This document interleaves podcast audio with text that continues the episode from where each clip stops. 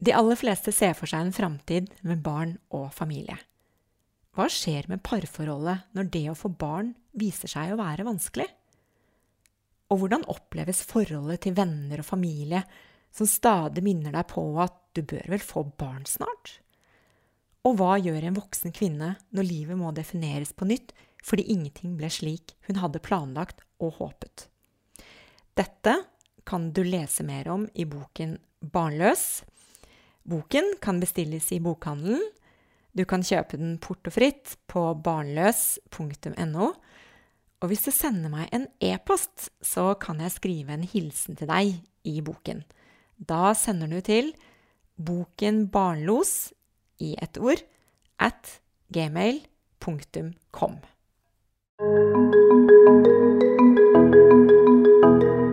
Dette er en podkast om barnløshet. Jeg ønsker å finne svar på hvorfor temaet er så viktig for oss. Jeg vil grave frem fakta på området, og ikke minst dele de viktige historiene bak.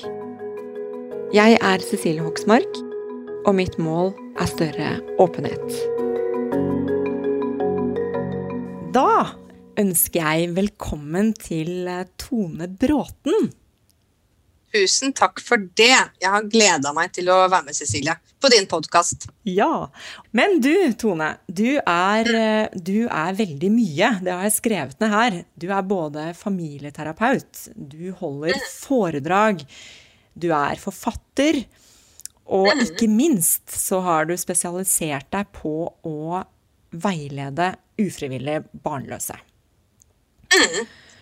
Og du har jo da samtaler med par, men også enslige. Og i tillegg så har du eh, tidligere vært eh, terapeut ved en av disse internasjonale fertilitetsklinikkene, og denne lå i St. Petersburg. Så først Det har jeg også. Ja! Mm. og helt først, eh, Tone, så vil jeg gjerne at du skal fortelle litt om din egen historie. For det er jo ikke helt tilfeldig at du havner som veileder for ufrivillig barnløse. Det er helt riktig. Og det er jo litt sånn morsomt å få med eh, hvorfor jeg starta med det her. Når, når starta den her eh, iveren etter å hjelpe ufrivillig barnløse? Altså, jeg hadde jo hele tiden hatt en forkjærlighet å jobbe med faktisk barn, familier, som familieterapeut før jeg starta med ufrivillig barnløse, og faktisk også eh, jobba med å godkjenne adoptivforeldre kommunalt. Så jeg var litt inne, i den banen, og pluss at jeg eh, ved å jobbe eh, tre år i barnevernstjenesten, så hadde jeg også plassert fosterbarn i fosterhjem og snakka med beredskapshjem. sånn at det, jeg var kanskje litt inne i, inne i det her eh, allerede før jeg starta min egen prosess med å få barn. Eh, og for meg så skulle det være veldig enkelt. Eh, jeg, eller vi prøvde jo eh, å få barn, jeg og min mann. Eh, så hadde jeg en følelse på at noe var gærent. Jeg veit ikke hva. Det er ofte jeg hører klienter sier. Hadde en følelse at noe var galt, men veit ikke helt hva. Eh, og så gikk det jo ikke mer enn eh, fem måneder før jeg kontakta fertilitetsklinikk. Og jeg, jeg veit jo at det skal gå egentlig et år, så jeg må kanskje innrømme at jeg jugde litt akkurat da og sa at eh, nei, vi har prøvd et år. Det hadde vi jo ikke. Men vi hadde prøvd fem måneder, og, jeg eier kanskje ikke helt det tålmodighetsgenet som mange er heldige å få tildelt. Eh, så mm, når vi kom eh, i behandling da, så, så, eller når vi skulle ta en sånn fertsjekk, som det heter i dag. Man skal på en måte undersøke min fertilitet og min manns fertilitet. Så eh, måtte jeg da overtale min, eh, min, mann til å være med på det her, fordi han sånn, hadde i hvert fall litt sånn sykehusskrekk.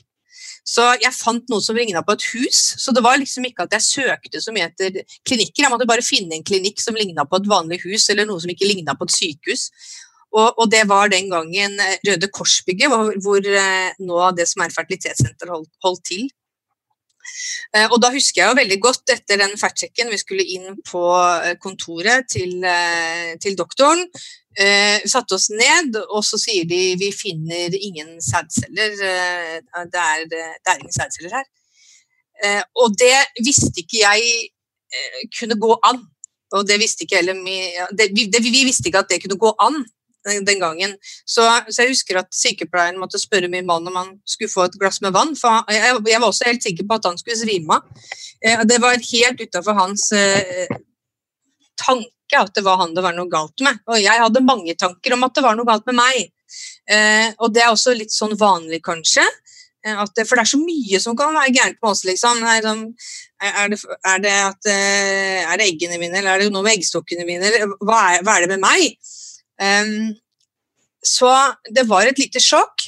Uh, så vi gikk vel i Det var vel, det var vel sånn at det, det var ikke sikkert på om vi kunne bruke eget genmateriale. Eh, og Derfor så gikk vi inn i den her Må vi bruke donor? Altså, vi gikk inn i den ganske kjapt, da, og, sånn at vi måtte forholde oss til det.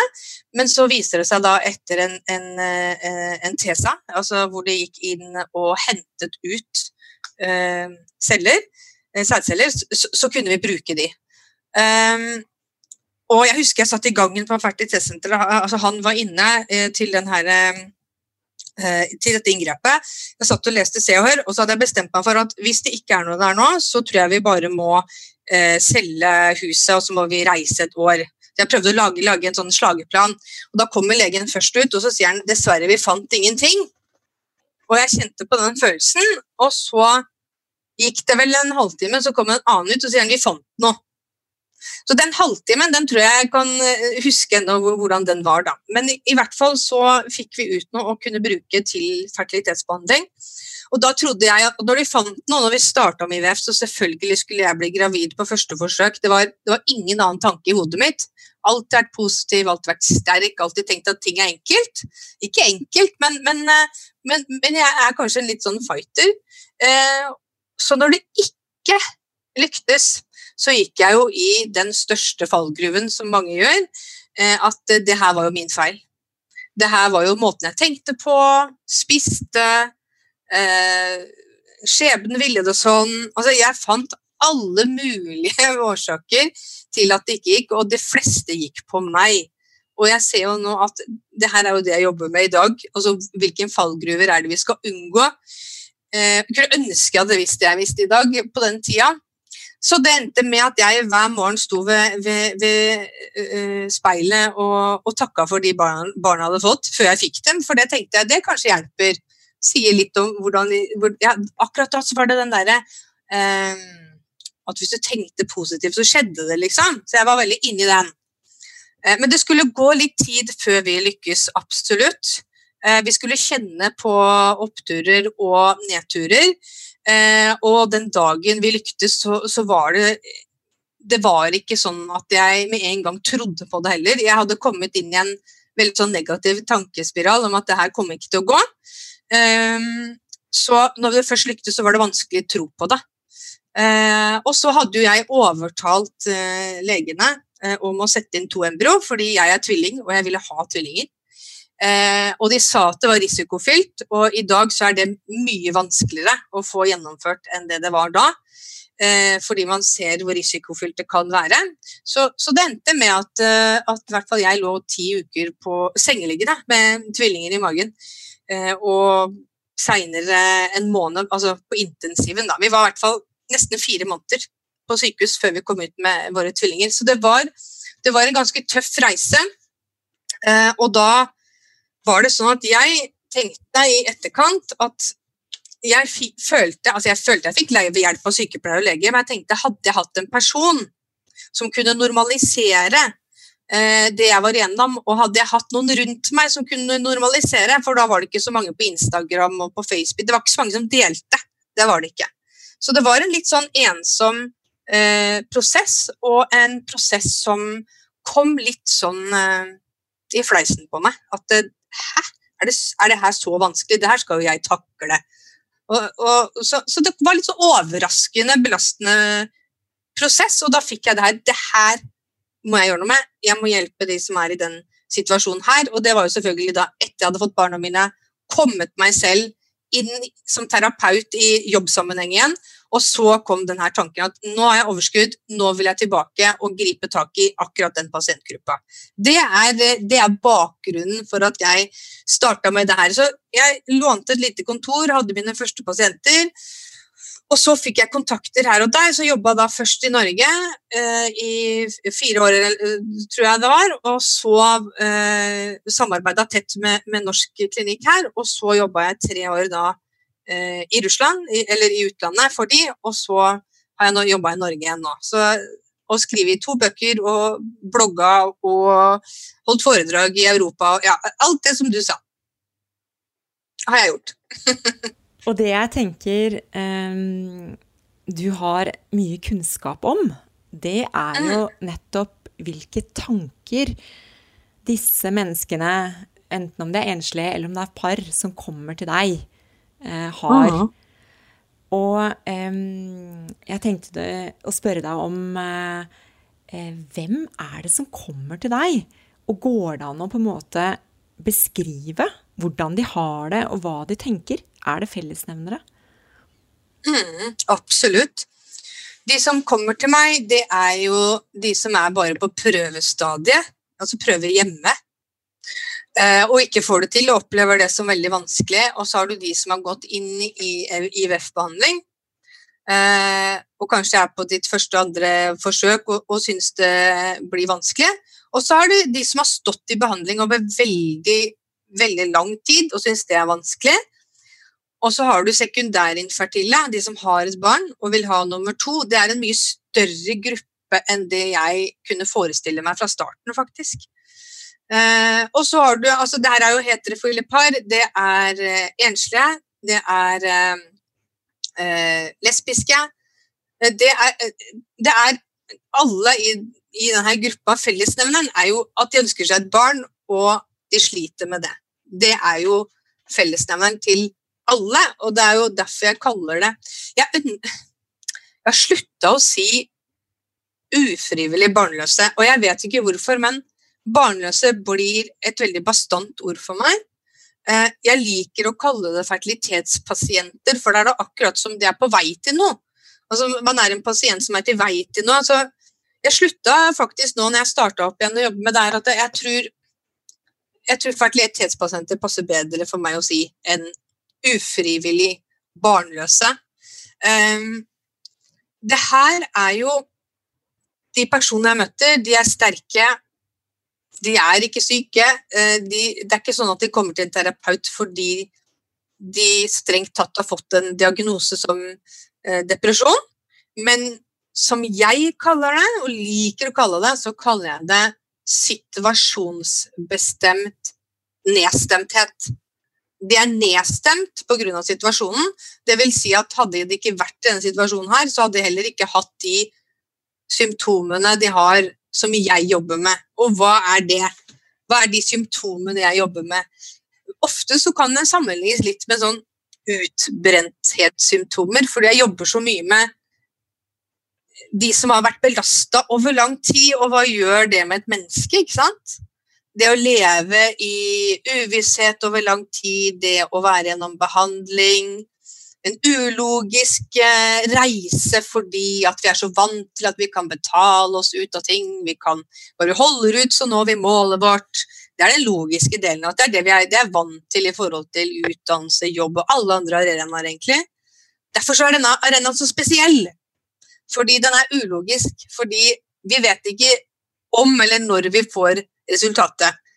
Men heldigvis i dag så er det jo veldig mye hjelp å få, og veldig mye alternativer som vi kan bruke som gjør at suksessraten i hvert fall er høy når vi går inn i det. Men allikevel så er det en krisemaksimeringstanke der at kanskje det ikke går. Ikke sant? Eh, og, og den ligger og lurer hos alle. Så det der å få hjelp til å kjernen det er å få hjelp til å ha energi nok til å håndtere følelser og tanker som dukker opp i denne prosessen. Eh, og jo mer slitne vi er, jo mindre håndterer vi det. Noen er gjennom IVF, og så tenker de at jeg skal fortsette jobben som vanlig, jeg skal fortsette å være like sosial som vanlig, jeg skal fortsette alle hobbyene som vanlig, det her skal ikke knekke meg. Ikke sant? Og så får vi stressymptomer, og så holder vi på. Og så skjønner vi egentlig at vi er for slitne, men vi nekter på en måte at det skal vinne over oss. på en måte da. Så vi går litt i kamp mot oss sjøl, og, og, det er ikke så lurt. Det, det, det, det, pleier å være litt lurt å spille på lag med seg selv. Det å spille på lag og være sin beste venn og fylle seg med energi, og så, det jobber jeg egentlig veldig mye med. Det her å være snill med seg selv og ha egenomsorg i prosessen å få inn det barneperspektivet, det er viktig. ikke sant? De skal jo bli kommende foreldre. Vi skal jo ikke være slitne kommende foreldre. Vi skal, vi skal ha energi til disse barna som kommer, disse heldige barna. Vi, vi må ha energi til dem, og da, da, da, er det også en viktig perspektiv å dra inn. Og så har du parperspektivet. Vi, vi håndterer jo, altså Mann og kvinne håndterer jo dette her helt ulikt. ikke sant? Og det er helt normalt. Som regel så er det mannen som klarer å forholde seg til her og nå. Nå skal vi ta ett forsøk, og så ser vi hvordan det går. Og de er positive i starten, ikke sant? helt til de ser hvordan prosessen kanskje skaper en avstand til den kvinnen som de forelsket seg i, for det kan fort skje.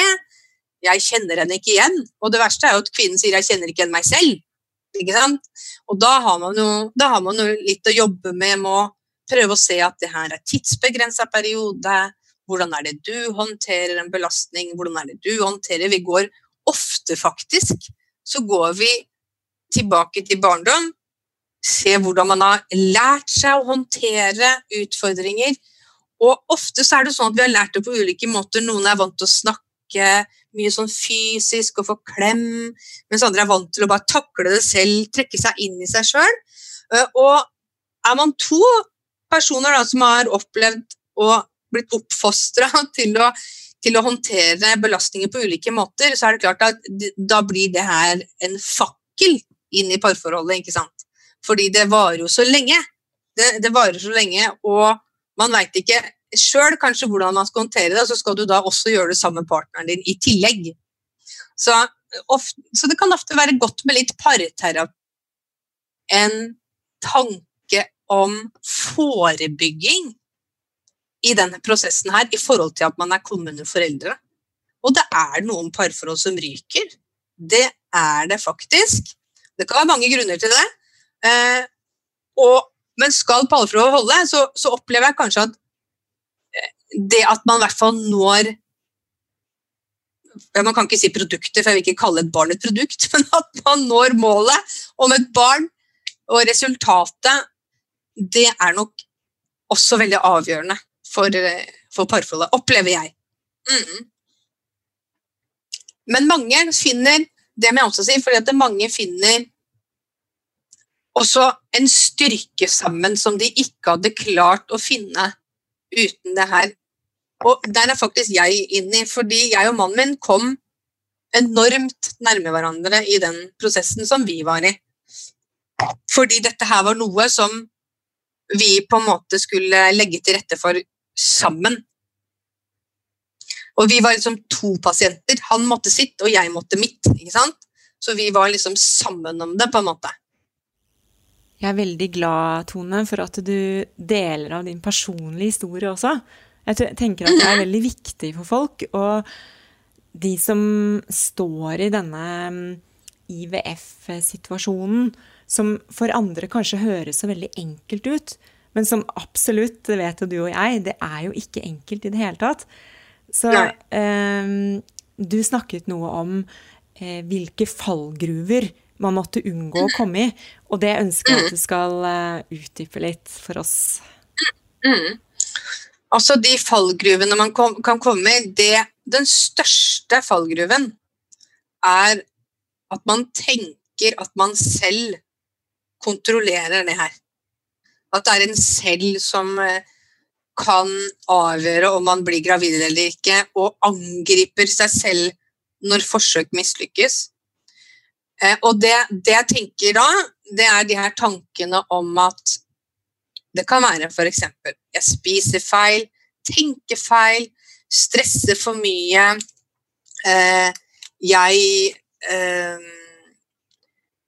Jeg trener for mye, trene for lite. Det er en straff for en abort jeg tok eh, for noen år siden. Det er eh, parforholdet mitt er kanskje ikke det rette, så skjebnen vil ikke at jeg skal få barn inn i det her. Um, så, så, det kan være ofte en del sånn ikke, ikke en del, men mye selvkritikk, da. Og det er, det er, jo et energisluk, så det er en fallgruve de luxe. Jeg tenker at det som er viktig her, det er at det er å se, ha det her medisinske perspektivet. Og hvem er det som eier problemet, egentlig, når man er fertilitetspasient? Det er jo mange av oss som tar på oss problemet. Det er jeg som er problemet fordi eggene mine er dårlige, eller det er han som er problemet fordi sædcellene er dårlige. Men det er ingen som kan ta på seg det her problemet. Det er ingen som eier det her problemet. Fordi Hvorfor kan, jeg, kan man ikke si det? Jo, det er fordi at eh, vi kan ikke påvirke det eh, i den grad at vi kan si at vi kan eie det det, det som er problemet, er at det er et embryo som skal lages, som må være perfekt. Det må være helt perfekt før det fester seg. Og heldigvis så må det det, sånn at vi får friske barn. Det er det vi må tenke. Det, det, det fester seg ikke hvis det ikke er perfekt. Altså, da mister vi det i hvert fall tidlig. Eh, så det skal, det skal, det skal lages et så perfekt mulig embryo som mulig, og det skal være spesialister som skal lage det her embryoet eh, om man ikke klarer å lage det selv. Eh, og da er det også spesialister som skal se på livmor og sant, hvilke vilkår dette embryoet har til å feste seg.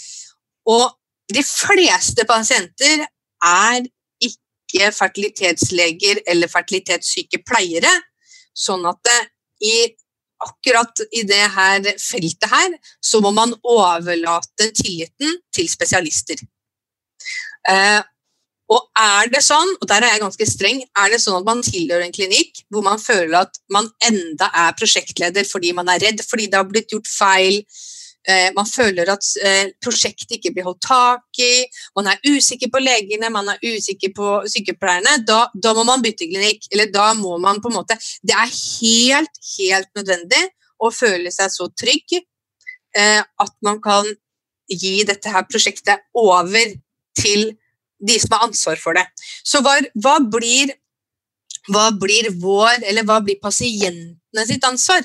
Fordi pasientene sitt ansvar det er å legge til rette for graviditet. Ta medisinene, stille opp til uttak, stille opp til innsett.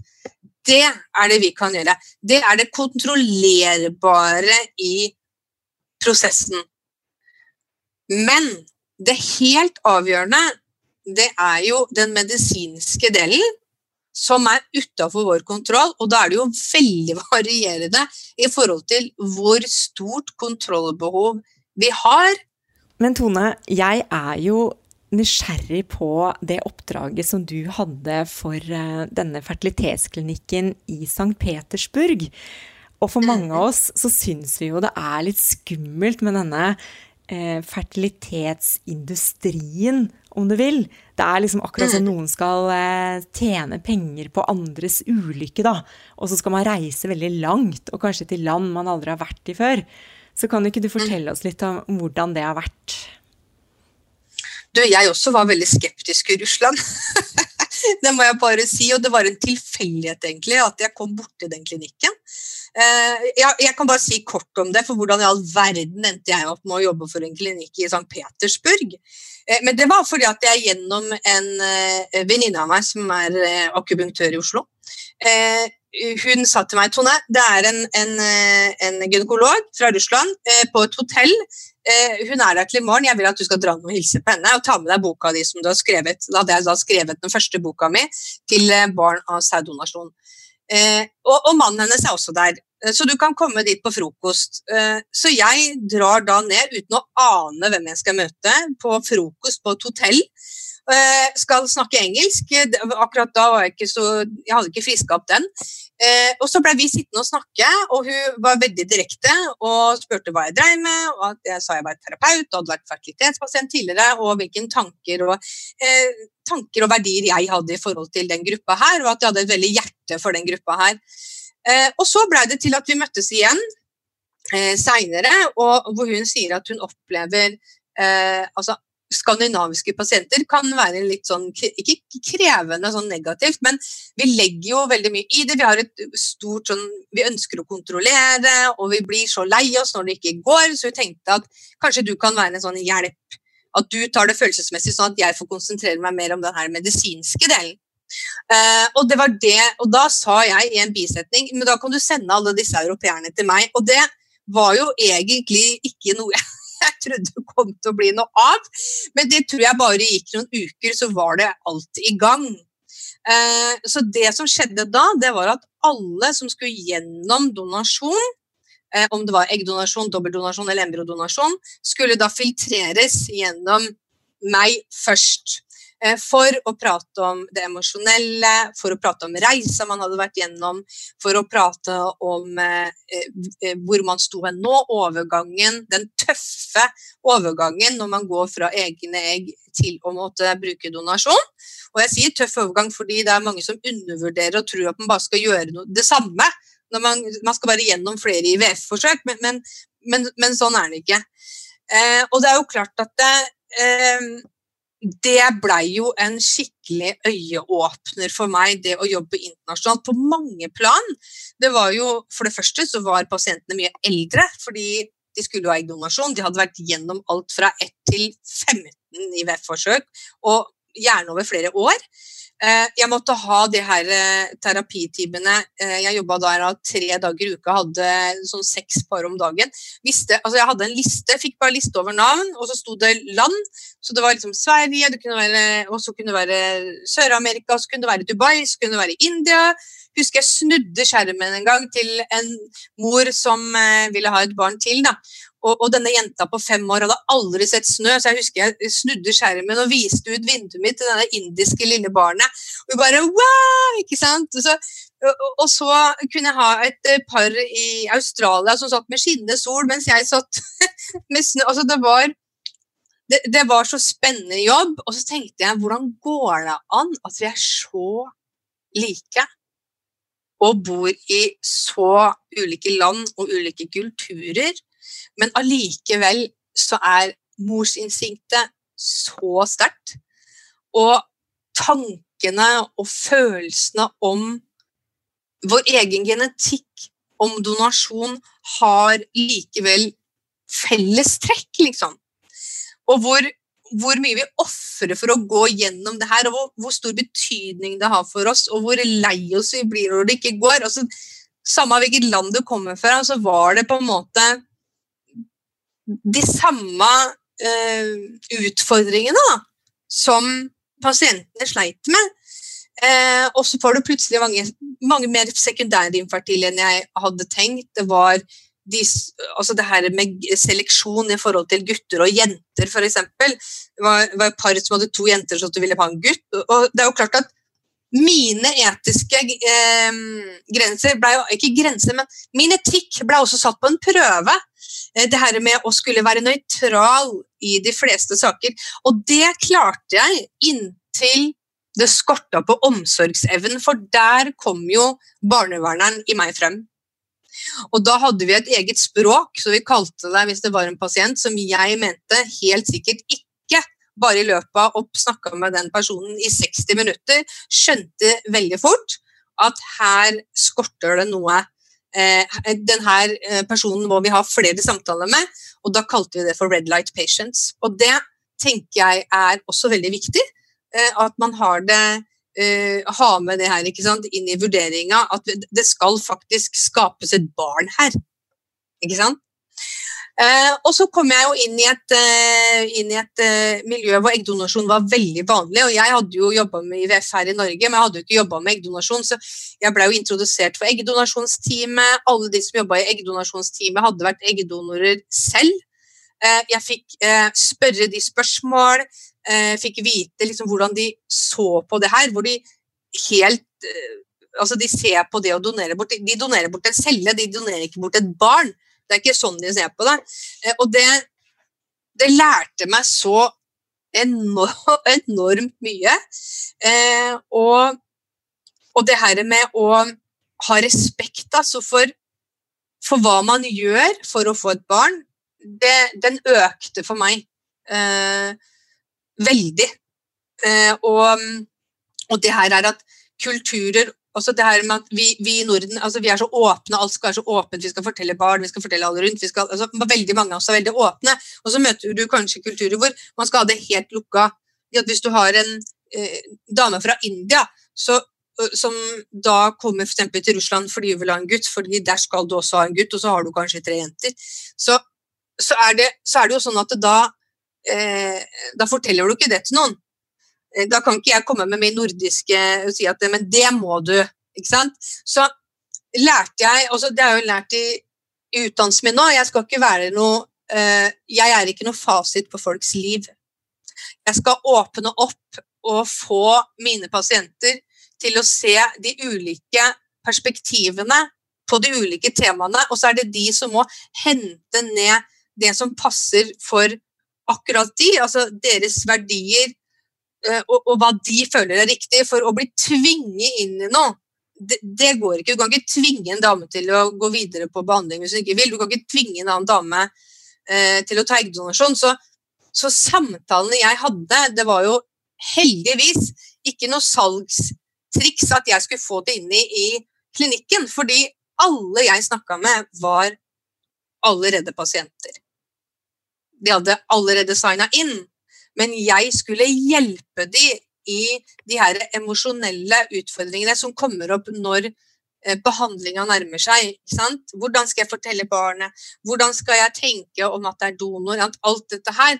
De har bestemt seg, men det er noen løse tråder fordi de ønsker å være fantastiske gode foreldre. Det er det som er hele bakgrunnen for det. De ønsker å være fantastiske gode foreldre. Og da må man lande noen baller fordi de ønsker det beste for de kommende barna. Ikke sant? Og det er ikke alt man kan lande, fordi man må erfare. Men man må lande det i den grad, sånn at man kan gå inn i det eh, på en best mulig måte. Men det er ingen som våkner opp og tenker yes, 100% jeg skal ta eggdonasjon. Eller jeg skal ta en embryodonasjon. Det ligger en lang historie bak. Men som jeg sier i artikkelen som jeg skrev da, jeg skrev en internasjonal artikkel om the 60-40 rule. Og det er sånn Hold av en prosentandel til sorgen over at det ikke gikk, til alt det etiske kaoset du kanskje kommer til å komme i, men som du kommer til å klare å lande. Eh, hold av en 20% 30% eller 40% Men er 60% av deg sikker, og du veit at det barnebehovet må jeg få dekt, eller jeg er villig til å gå den veien her, da er det mulig at 60% er nok, og så formes vi med tiden og ha tillit til at når barneperspektivet kommer inn, så vil jeg modnes i den eh, prosessen, da. Så, så, det handler litt om hvilke forventninger man skal ha til, eh, til seg sjøl, og hvor sikker man skal være på alt man gjør. Eh, og, og, så, så, det er ikke sikkert man blir 100 sikker. Og det her jobber jeg jo mye med internasjonalt òg. Det her med å, med å, ikke tillate seg sjøl til å Jeg kan ikke ha de tankene her. Eh, F.eks.: Hva skal jeg si når noen sier at barn ikke ligner på meg? Den tanken må bort, for ellers så kan jeg ikke starte. Men det er bare positivt at de tankene kommer. Det er en prosess. Vi må inn i de tankene. Det er ikke feil.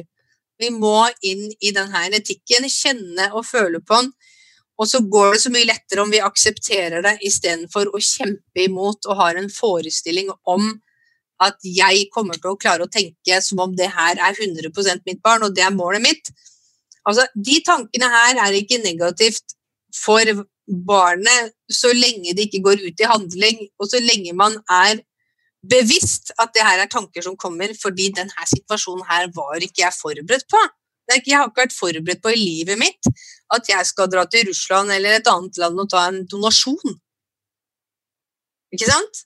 Så normalisere, normalisere, normalisere. Finne hva som passer opp imot verdien til hvert eneste enkelt menneske. Som, som terapeut i det her, så vet du aldri hva, kan, hva, som kan komme ut av en time. For du kjenner ikke personen. Du må legge alt til rette for at du skal jobbe opp imot der energien til personen er, der de etiske grensene er for den personen.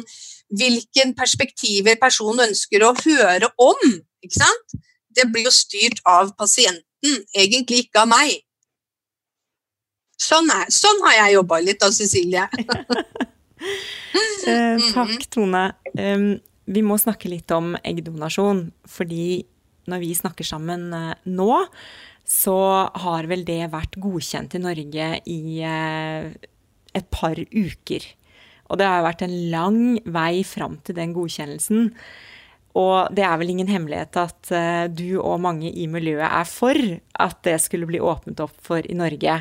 Så derfor mm. så hadde jeg egentlig mer lyst til å høre med deg.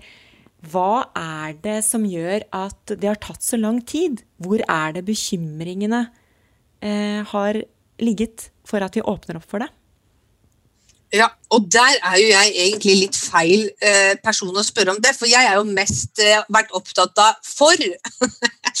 så, så, når jeg hører de her eh, tankene imot, altså de etiske dilemmaene, da Jeg har jobba så lenge med eggdonasjon at, at, når jeg får høre på en måte kritikken, da, ikke sant, og hvordan dette her barnet vil få det så vanskelig, da stiller jeg meg spørsmålet Vi har hatt eh, sæddonasjon i 90 år, hvorfor ble ikke det vanskelig? Ja, jeg var jo mer for det her med likestilling. Det, det, det, var jeg Jeg tenker at det er liksom hovedpoenget. At man ikke skal, som jeg har sagt flere ganger, sitte på venterommet og krysse fingra for at det er sæden det er noe gærent med, ikke eggene. For hvis det er sæden, så får vi hjelp. Hvis det er eggene, så får vi ikke hjelp. Og, og det er jo klart at det er så ulike grunner til at uh, de her pasientene trenger eggdonasjon. For det trenger jo ikke være fordi at, uh, at, uh, at de har venta for lenge. Alle tror jo det. Ja, nå, nå, kan de skylde seg sjøl, for de har venta for lenge. Men det er jo ikke det som er Jeg har funnet, jeg eller finnes, jeg har jo hatt pasienter som, hvor hvor man har hatt en eller annen genfeil som man ikke ønsker å føre videre.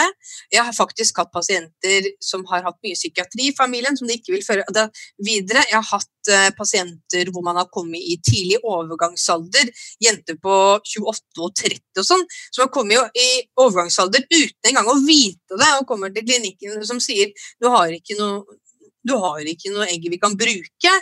Så det er det er, så, det er, ikke så enkelt som det ser ut som. Og den veien de her må gå, enten om det har vært sykdom eller tidlig overgangsalder eller annet på en måte som har stått for at de må ta eggdonasjon, eller om at de har ventet lenge med grunn fordi at de vil ha et godt fundament for et barn før de på en måte eh, skaper det her barnet. Eller de har eh, prøvd å skape sitt barn fra de er 30 år, og så hadde de kanskje vært 10 år i behandling, eller 2 år i behandling, eller 5 år i behandling. Det ligger en kjempehistorie bak. Så når jeg hørte kritikken, så tenker jeg da bare For å ikke hisse meg opp, da, så tenkte jeg at det, her er det snakk om politikere som ikke har snakka med den gruppen her. Som ikke har hatt samtaler med de her parene, og betydningen av å få dekt eh, barnebehovet. En situasjon man sjøl ikke kontrollerer, som er helt utafor enhver kontroll. Eh, og når man da sier at man har venta for lenge, eller man skal, og det er ikke noe menneskerett å få barn og, Men allikevel så er det jo på en måte den naturlig evolusjon at vi vil Eh, at vi, at vi, vil eh, ha barn, og Erna Solberg sier at vi skal få flere barn. Vi har et samfunn som er veldig barnefokusert, og vi har forventninger i familie, vi har besteforeldre som venter, vi har tanter, onkler, og vi har venninna som uh, har den babyshower på torsdag. Altså, vet du hva? Det er så mye press rundt oss at uh, at det, det, er ikke bare det at det, uh, vår eget behov skal bli dekka. Vi har manges behov, vi, som skal bli dekka. Og da er det ikke bare å gi opp fordi eggene ikke fungerte, men, men når det fins alternativer, så må vi i hvert fall se på alternativene. Og så må vi kjenne på og føle på er vi villige etisk sett til å gå over til et annet alternativ for å nå vår drøm, eller er vi ikke? Ikke sant? Det er ikke, det er ikke Man kan si at det er bare parets behov, men er ikke det. Det er, det er så mange faktorer som spiller sammen. Ikke sant? Man har sett for seg telefonen man skal ta til mamma som har venta så lenge. Når jeg tar den telefonen, husker jeg så det for meg sjøl òg. Avtalte hvem jeg skulle ringe til først når jeg fikk en positiv graviditetstest. Hvordan jeg skulle juble, hvordan ikke bare jeg og mannen min skulle være glad, men også de rundt oss. da. Eh, og så slapp jeg å selge hus og eh, reise og jorda rundt. da. Jeg kunne bo i det huset som jeg hadde kjøpt, og denne her eh, sandkassa som irriterte livet av meg utenfor huset mitt, den kunne bli der. Så det er, det er, så mye, og da, det er så mye å ta tak i når man skal, skal se på for-argumentene for at vi skal ha det alternativet her, og for at vi skal gi de her uh, para eller enslige som ønsker barn, muligheten uten å måtte dra til utlandet uh, og bruke masse penger og føle at de gjør noe gærent. Det har irritert meg mest. Det her at de må ha en uh, Skam opphører gjerne når det du sier, kommer ut i lyset, og du blir møtt på en positiv måte og du blir akseptert, det du gjør blir akseptert, da kan skam svinne hen. Og det er jo det som kanskje jeg gråt over når jeg var på TV 2 og fikk vite eh, resultatet. Da var det akkurat som den skammen nærmest slapp på meg, for eh, alle de her pasientene jeg jobba med, så var det nesten det viktigste. Det her emosjonelle. Ja, mm. det var interessant. Det hadde jeg ikke mm. tenkt på. Nei. Jeg har eh, et spørsmål til, til deg, Tone, som er helt mhm. avslutningsvis. Og fordi at du har så mye erfaring, så vil jeg gjerne at du skal avslutte med å gi et råd til den gruppen som nå kommer til deg, og som står i en vanskelig situasjon, enten om det er IVF eller i hvert fall fertilitetsbehandling, kan vi kanskje si. Mm. Jeg tenker det viktigste er at man ta, må ta vare på seg sjøl. Har man stressymptomer, så må man ta det på alvor. Det er en krevende prosess, eh, men man skal holde ut. Og Det er oppturer og nedturer, og har man nedturer, da er det fordi at håpet må få litt pause, fordi vi aner ikke hvor lenge vi må holde oppe. Eh, og så er det det her med å hele tiden vurdere faktorene opp imot det her med å fortsette. Jeg er jo veldig for at man fortsetter, for jeg har jo jeg, når jeg snakker med pasienter, så snakker jeg med kommende foreldre. Jeg snakker til mine pasienter som kommende foreldre uten at de vet det, egentlig. Fordi jeg har så klokketro eh, mange ganger på at det går. Og det er på, fordi at jeg har jobba internasjonalt. Jeg vet at det nesten er umulig å ikke lykkes faktisk i dag med alle alternativer som fins. Derfor så snakker jeg med, med, med alle pasienter som, som kommende foreldre. Um, det er klart at uh, det som er viktig da, det er å se på Du må, du må hele tida vurdere å holde ved like den, din fysiske og psykiske helse. Du må se opp imot økonomi. Hva er det vi har råd til, ikke eh, råd til? Du, du, du, må ta vare på økonomien din også. Og så må, må, det være Det må vurderes etikken hva er det du føler er riktig, og hva er det du ikke føler er riktig? Hvilken etiske grense kan du trå over og ikke? Og er det en samstemthet? Hvis det er et parforhold, er vi samstemte? Eller er, eller er vi ikke? Så man må tenke forebyggende. Og hvorfor må man tenke forebyggende, og hvorfor kommer pasienter til meg? Det er jo fordi at vi må jo ha igjen energi til dette barnet. Man har ikke råd til å sitte totalt utbrent idet den positive graviditetstesten kommer. Derfor må man være så snill med seg selv, legge over prosjektet til spesialistene så godt man klarer, eh, og så må man bare ha energi for å holde håp og motivasjon oppe. Det er sånn det er.